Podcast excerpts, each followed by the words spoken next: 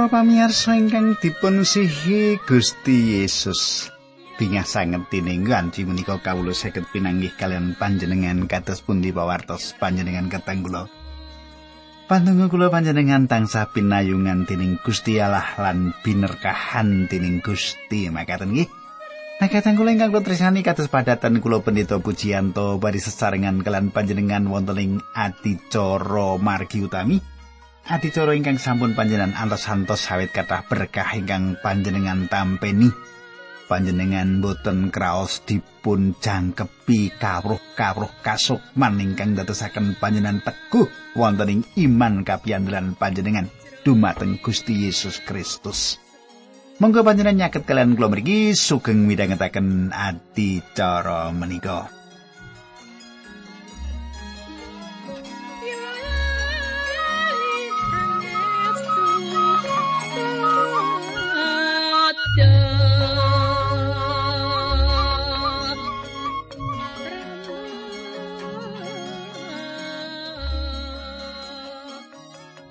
Para pamirsa menapa panjenengan tasih kemutan menapa ingkang kula aturaken duk nalika pepanggihan kepengker ing patunggilan kita kepengker. Kula sampun mungkasi pasinaon kita saking kitab kali Samuel. Sampun jangkep kep kep kep gitu. Nah, samenika kita badhe nyemak kitab setunggal rojo-rojo nggih. Kita badhe nyemak setunggal rojo-rojo utawi setunggal para rojo. Nah, menapa kemawon ingkang badhe dipun pratelakaken wonten ing kitab menika, kita badhe sesarengan sinau. Nanging saderengipun kita ndedonga kadang kula, kula badhe ngaturaken salam kula dumateng Bapak Samino, nggih Bapak Samino. Kados pundi Bapak Samino menapa panjenengan serangan kalian kula nggih. Dusunipun Sido Negoro. Ah, dadi negara tenan nggih.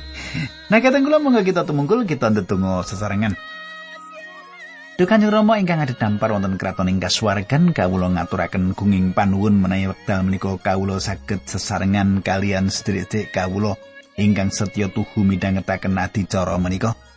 Kawula nyuwun Gusti berkahi kawula Gusti nuntuni kawula lan kanthi makaten menapa ingkang kawula andharaken menika saged dados kegiatan panglipuran sedherek-sedherek kawula ingkang setya tuhu dumateng paduka. Dinambaran asmanipun Gusti Yesus Kristus kawula netunggal haleluya. Amin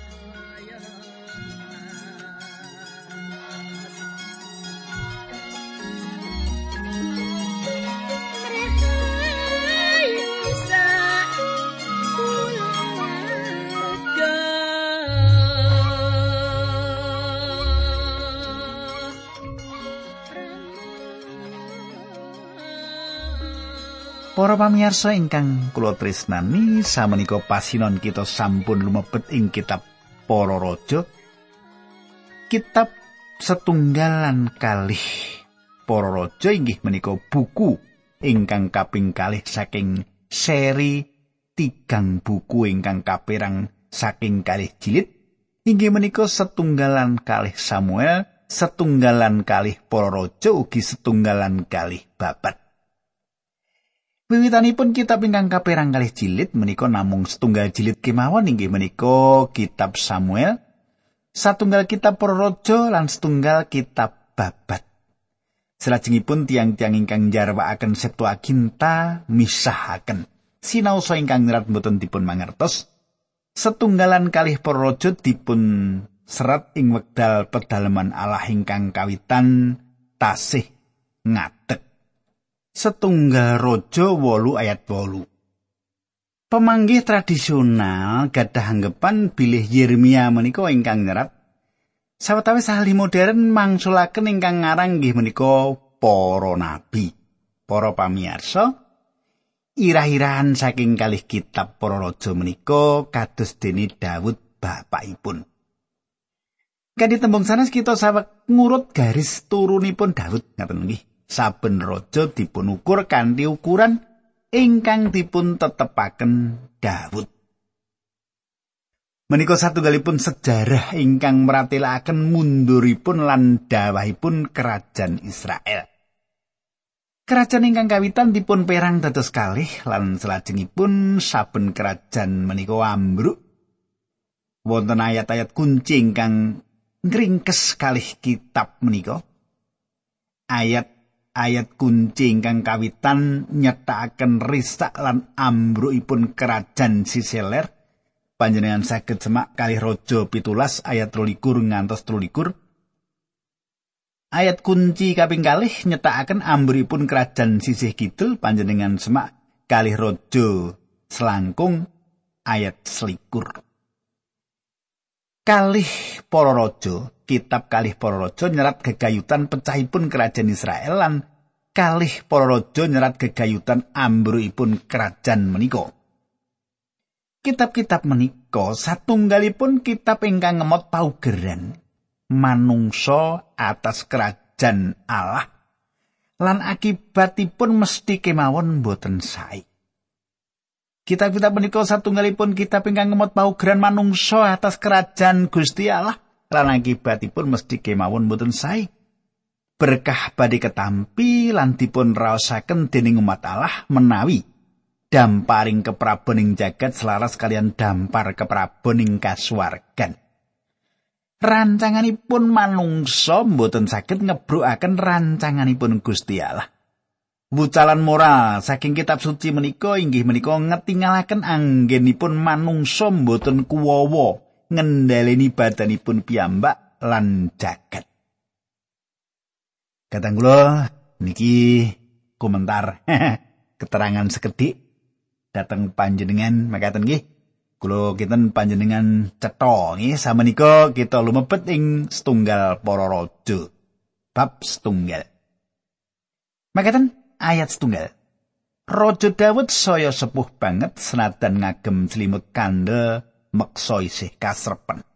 Para pamirsa, Daud samenika sampun sepuh larinipun Adonia mupangataken Daud ing salebetipun kahanan ingkang kados makaten menika. Piyambakipun budidaya saged ngrebut damparing keprabon lan ngangkat badanipun piyambak dados raja ingkang kula kajengaken inggih menika Adonia. Sampun tentu patra ingkang kados makaten menika mboten selaras kalian menapa ingkang dipun kersakaken Gusti Allah. Ngangkat ratu-ratu dhewe kamangka Gusti Allah ora milih. Iki ora dikeparengake. panjenengan kepingin dadi pimpinan kamu kok Gusti Allah milih aja ngesrong mundak kewirangan. Ngaten nggih. Nah samenika ayat gangsal 6 Sarene Absalom wis mati mulane putrane sang raja Daud sing tuwa dhewe saiki Adonia asmane ibune Hagit Adonia kuwi rupane bagus yen gawe keluputan ora tau disendu dening ramani sarene kepingin dadi raja Adonia banjur nyawisake kereta perang prajurit jaranan lan pengawal seket. Para pamirsa, panjenengan perso sinten toh Adonia menika? Adonia menika larenipun Daud ingkang nomor sekawan. Piyambakipun dipun lairaken wonten ing Hebron, panjenengan saged maos kalih Samuel 3 ayat sekawan. Ibunipun inggih menika Hagit salah setunggal saking semahipun Daud. Banjur Adonia anake Hagit ngluhurake awake dhewe. Tembung ngluhurake awake dhewe menika dados kawigatosan kita. Awit wonten setunggal ayat ing salebetipun kitab suci ingkang saged dipun papanaken langsung atas tembung menika. Nah, Lukas 11 ayat sekawan. sebab sapa sing ngluhurake awake dhewe kuwi bakal diasorake lan sing sapa ngasorake awake dhewe kuwi bakal diluhurake. Sebab sapa sing ngluhurake awake dhewe? Badhe ngetingalaken adonia ingkang sayektosipun. Kitab suci meratelaken kathah perkawis kegayutan kalian adonia Piyambakipun menika tiang ingkang gumunggung Adonia mimpin pemberontakan dumateng bapakipun. Ampun dipun tiru kadang kula lelampahan menika karo bapake wani nggih. Samenika setunggal raja setunggal ayat pitu. Adonia banjur rembukan karo Yoab lan Abiatar ibune Yoab asmane Seruya, Yoab lan Imam Abiatar nyarujuki karepe Adonia. Para pamirsa, Yoab ingkang sampun setya dumateng Daud mataun-taun samenika kasetyanipun katujuaken dumateng Adonia. Daud sampun sepuh sekedap malih piyambakipun badhe pecah Yoab gadah kekajengan piyambakipun wonten ing pihak ingkang mimpang. Ayat songo kateng kula lompati kemawon nggih ayat songo samenika ing sawijining dina Adonia saus kurban wedhus sapi lanang lan sapi nom lemu-lemu ana ing panggonan sing jenenge Ula Watu ing sacedhake sendang Enrogel putra-putrane Raja Daud liyane sarta para pegawe kraton Yehuda diulemi kabeh ing pesta mau Panjenengan gatosaken rancangan Adonia ing pesta menika inggih menika piyambakipun gadah kekajengan meratelakaken badanipun minangka jejeripun raja. Manut hak lari mbajeng panji piyambakipun gadah hak dados raja menika. Piyambakipun langkung sepuh tinimbang Soleman sampun tentu pejahipun Absalom mapanaken Adonia dados calon ingkang salajengipun menawi nyemak ing sarasilah. Ayat sedoso nanging Sulaiman nadine Adonia Nabi Nathan serta Benaya lan pengawali pribadi Sang Raja Daud ora diulemi. Para pamirsa, Adonia mangertos pilih Nabi Nathan badhe mihak dumateng Batseba. Batseba inggih menika ibu saking Sulaiman. Samenika Nathan datengi Sulaiman. Cobi panjenengan sama ayat 11. Nabi Nathan sowan marang Batseba, ibune Sulaiman aturi. Menapa panjenengan boten pirsa Adonia putranipun Hagit sampun dados raja saking kajengipun piyambak? Mongko Sang Raja Daud boten pirsa menapa-menapa bab menika. Para pamirsa, Adonia wiwit tumindak wingkingan. Boten rerembagan karian Sang Raja, slintat, slintut makaten nggih. Samenika Nabi Nathan ugi tumindak kados makaten. Meneng-meneng sowan marang Betseba. Ayat 13, supados singgal enggal sowan dateng Sang Prabu Daud kalian matur mekaten. Menapa mboten Sang Raja piyambak ingkang sumpah dateng kawula bilih anak kawula Sulaiman ingkang badhe dados raja ngentosi panjenengan.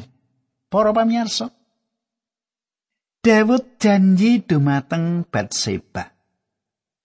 Ing wekdal lari ingkang nomor kalih dipun lairaken, lari ini peningkang kusdengal rak pecah.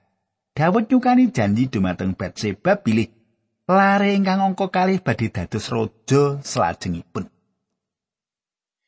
Lan ingkang dipun kajengaken inggih menika Sulaiman, nanging Daud mboten nindakaken menapa-menapa kangge andadosaken raja menika. Monggo kita semak setunggal raja-raja bab setunggal ayat 14 dumugi 16 menika. Aturin Nabi Nathan meneh. Mangke salebetipun panjenengan ngendikan kalian sang raja kula badhe mlebet nyataken atur panjenengan. Betseba banjur suwan ngadeping kamare sang raja, sang raja wis sepuh banget lan diladosi dening Abisak perawan saka Sunem. Betseba sungkem ngarsane sang raja banjur ditanggu kowe arep nyuwun apa? Kateng kula Ketinganipun kados-kados Daud sampun dangu mboten kepanggih kalian Batseba. Nggih.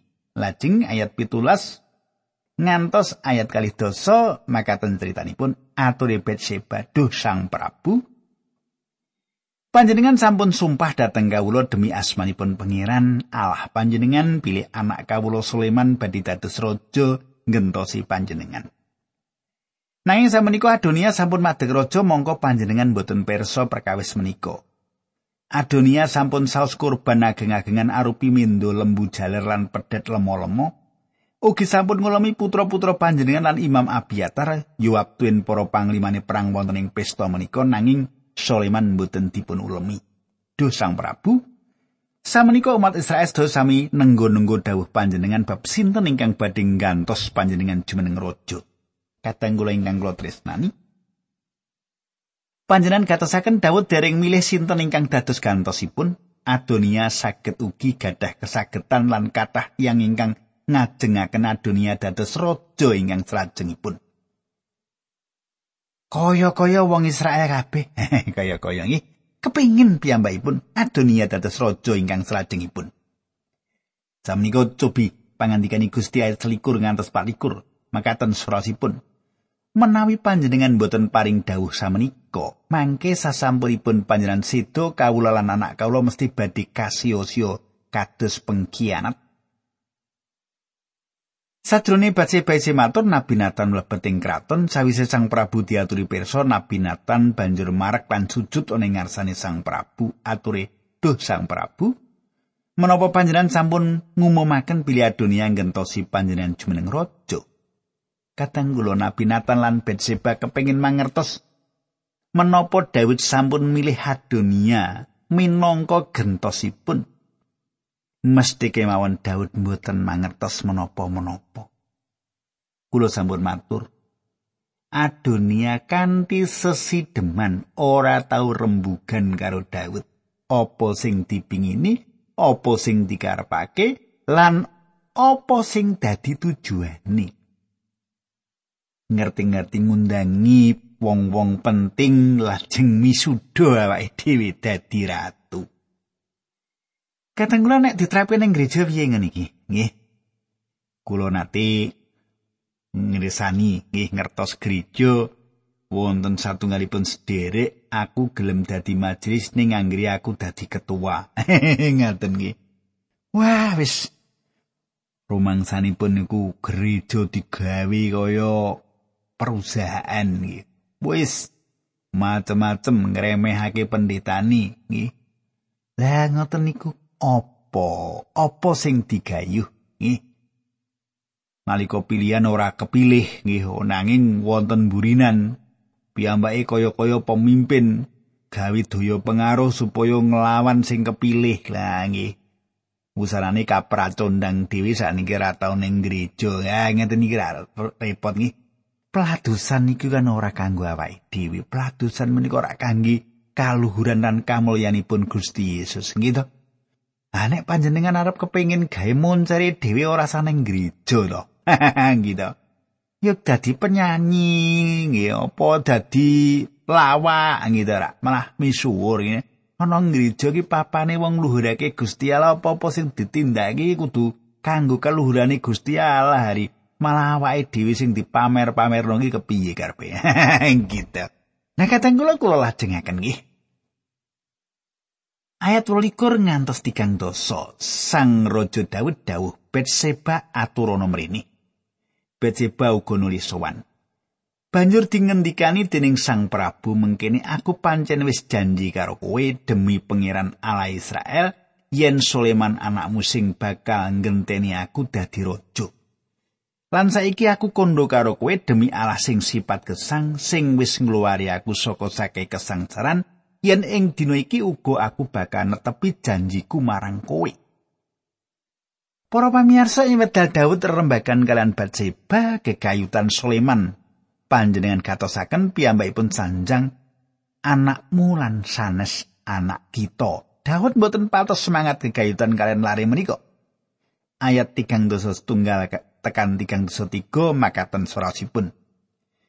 Batseba banjur sujud karo matur Mugi-mugi Sang Prabu sugeng ing selaminipun Raja Daud banjur utusan nimbali Imam Sadok, Nabi Nathan lan Benaya sawise padha marek. Banjur dingendikani mengkene para punggawaku padha klumpukno banjur Soleman anakku tunggang no biha tumpak aku dhewe gawanan menyang sendang gihon.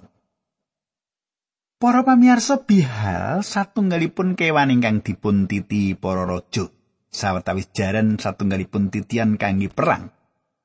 Sekawan jaran titian ing salebetipun kita pahyu meratelaken gegayutan kahanan ingkang bebayani lan kahanan perang. Gusti Yesus ugi badhe rawuh malih wonten ing jagat menika lan nitih jaran putih ingkang nggambaraken gegayutan peperangan. Panjenan badhe rawuh kangge numpes peperangan ingkang wonten ing bumi lan wonten ing ngarsanipun panjenenganipun saben tiang badhe sujud. Ing wekdal Gusti Yesus rawuh ingkang kawitan pindah panjenenganipun rawuh nawakaken saryanipun minangka Sang Mesih kangge bangsa Israel kanthi makaten panjenenganipun nitih bihal ingkang alit lumebet ing Yerusalem. Inggih menika kewan ingkang limprah dipun titihi para raja. Samenika ayat 3 dosa 8 ngantos 3 dosa 9. Imam Sadok Nabi Nathan Benaya lan pengawal pribadi Sang Prabu banjur ngaturi Sulaiman nitih bi hali Raja Daud sarta dijak menyang sendang Gihon. Imam Sadok banjur mundut gendul lenga saitun oleh ngaso saka kemah pedalamane Allah diagem jebati Sulaiman slompret-slompret banjur dunake lan wong kabeh sing ana ing kono padha surak-surak sugeng Sang Prabu Sulaiman. Kadang kula mboten sisah mangu-mangu sinten tiyangipun ingkang badhe dipun pilih kangge dados tiyang ingkang gentosi piyambakipun, gentosi Daud. Sulaiman badhe dados raja salajengipun. Ayat kawan dosa ngantos kawan dosa setunggal, Sulaiman banjur kundur diringi dening wong akeh mau, karo surak-surak lan ngunekake suling nganti bumine horek merga saka ramene. Lagi waya dunia lan para tamuni rampung nggone pesta padha krungu ramene wong sing padha surak-surak mau. Nalika krungu suarane serompet ya takon ing kutha ana apa? Kok ramene kaya ngono? Kadang kula utusan ingkang beto pawartos kegayutan kalian adunia ngringkes mekaten. Ayat kawan doso pitu ngantos kawan doso bolu. malah para pegawe kraton sampun sami sowan nyalami sang raja Daud aturi Mugi-mugi pangeran Allah panjenengan dadosaken Sulaiman langkung misuwur tinimbang panjenengan Mugi-mugi peperintahanipun Sulaiman langkung ageng kawibawanipun ketimbang kalian peperintahan panjenengan Sang Prabu Daud lajeng nyembah sujud dhateng Allah wonten ing pesarianipun sarta ndedonga pinuju pangeran Allah sesembahanipun umat Israel ing dinten menika salah satunggalipun anak turun kawula sampun paduka angkat dados raja ngentosi kawula lan kawula sampun paduka parengaken tasih gesang menangi kedadosan menika. Kadang kula Daud nyukani cap tondo nyarujuki atas anggenipun Sulaiman dados raja. Daud sampun sepuh lan sekedap malih. Piyambakipun badhe dipun tunggilaken kalian leluhuripun. ayat kawan dosa songo ngantos seket. Para tamuni adunia kabeh padha wedi mulane padha ngadeg banjur bubar suang-suangan. Adonia wedi banget karo Sulaiman mula lunga menyang kemah palenggahane Allah nyekel sungu-sungune mesbeh. Kadang kula tiang-tiang ingkang yang kuyung Adonia dados hajrih lan lajeng. Tiang-tiang kalau wau mangertos bilih piyambakipun saged dipun anggap dados pengkhianat Adonia ingkang ajrih pecah melajeng dateng kemah suci lan nyepengi sungu-sungu mesbeh minangka pengayoman. Ayat seket setunggal ngantos seket tiga, ana wong sing ngaturi pirsa marang Raja Sulaiman yen Adonia saking wedine saiki cekelan sungu-sungune mesbeh lan kondo. Aku njaluk supaya Sulaiman sumpah dhisik karo aku yen aku ora arep dipateni. Wang Sulaiman yen Adonia becik lagune mesti ora bakal dikapak-kapake nanging yen nindakake piyala mesti bakal dipateni. Raja Sulaiman banjur utusan wong ngirit Adonia saka Mesbeh Adonia nulis wan Raja Sulaiman langsung kemingarsane sang raja ngendika wis mulya. Kadang kula Adonia dipun beto ing ngarsanipun sang raja. Selajengipun Sulaiman bebasaken piyambakipun kanthi tentrem. Kadang kula samenika kita lumebet ing setunggal praja bab kalih. Wah, mundak. sak jangkah nggih bab kalih. Kula wasaken ayat setunggalan kalih nalika wektu sedane Sang Prabu Daud wis cedhak panjenengane paring piweling marang Sang Prabu Sulaiman putrani. Aku iki bakal lunga ngliwati dalane samubarang kabeh kang ora langgeng mulane atimu disantosa lan tumindake kaya wong lanang. Kadang kula ingkang kawitan Daud sanjang aku iki bakal lunga nglewati dalane samubarang kang ora langgeng. Menika margining manungsa. Ing salebetipun Rum kang sayat kalih walas Rasul Paulus sanjang mlebune dosa ana ing donya kuwi jalaran saka wong siji lan dosane wong siji mau nekake pati. Pati mau nuli ngrambai saking manungsa sebab saben manungsa wis nglakoni gawe dosa. Kadang kula lumantar manungsa pramila pati menika andhatengi manungsa lan pati menika kados perangan gesangipun manungsa awit sedaya sampun dosa. Dosa Adam sampun dipun warisaken dumateng panjenengan lan kula. Menawi Gusti mboten rawuh kita badhe kisah lumantar lawang kang tumuju dumateng pati. Kenging menapa awit menika satunggalipun margi ingkang kedah lewati sedaya titah gesanging jagat. Jaman samenika kita mboten remen mikir kegayutan kalian pati menika. Kadang kula ing Mazmur 33 ayat sekawan Daud sanjang malah senadan lumaku ning jurang palimenganing pati Aku ora wedi marang bilai margi paduka ingkang nganti kawula teken paduka saha lantaran paduka menika sami nglipur kawula. Kadang kula Daud mboten sawek mratelakaken gegayutan kalian kasunyatan bilih piyambakipun sampun dumugi wekdal piyambakipun pecah. Dawud remen dateng gesang lan bandingaken kalian satunggalipun pangumbaran ngungkuli satunggalipun juranging palimengan. Salajengipun Daud sanjang dumateng Sulaiman mulane atimu disantosa lan tumindake kaya wong lanang. Gusti Yesus Kristus ngendika prakawis ingkang sami dumateng tiang kathah ingkang sami andatengi kangge ningali Yohanes Pembaptis. Yohanes Pembaptis dipun agengaken ing ngororo samun. Kadang kula Sulaiman boten kados bapakipun Sulaiman dipun agengaken ing kraton. Kenging menapa Sulaiman gadah sewu tiang setri ing sakiwa tengenipun jawabanipun cetha. menapa ingkang kathah piyambakipun ingkang dipun mangertosi inggih menika gegayutan kalian tiang setri. Manut kula menapa ingkang dipun tindakaken Daud lan Sulaiman menika benten. Awit menika Daud nyukani satunggalipun pandering dumateng Sulaiman. Sulaiman mboten kados Yohanes Pembaptis. Piyambakipun mboten kados Gusti Yesus nanging samenika piyambakipun dados raja Israel. Kateng kula monggo kita ndedonga rumiyin. Duh Kanjeng Rama kawula sampun ngandharaken kayektosan-kayektosan pangandikan paduka kawula sampun ngaturaken babagan-babagan pundi ingkang saged dipun teladani lan pundi ingkang kedah dipun singkiraken. Kawula nyuwun Gusti berkahi dherek kawula menika Sang Roh Suci kawula suwun nuntun sedherek kawula menika kanthi makaten saged ngluhuraken asma paduka. Dinambaran asmanipun Gusti Yesus Kristus kawula ndedonga haleluya. Amin.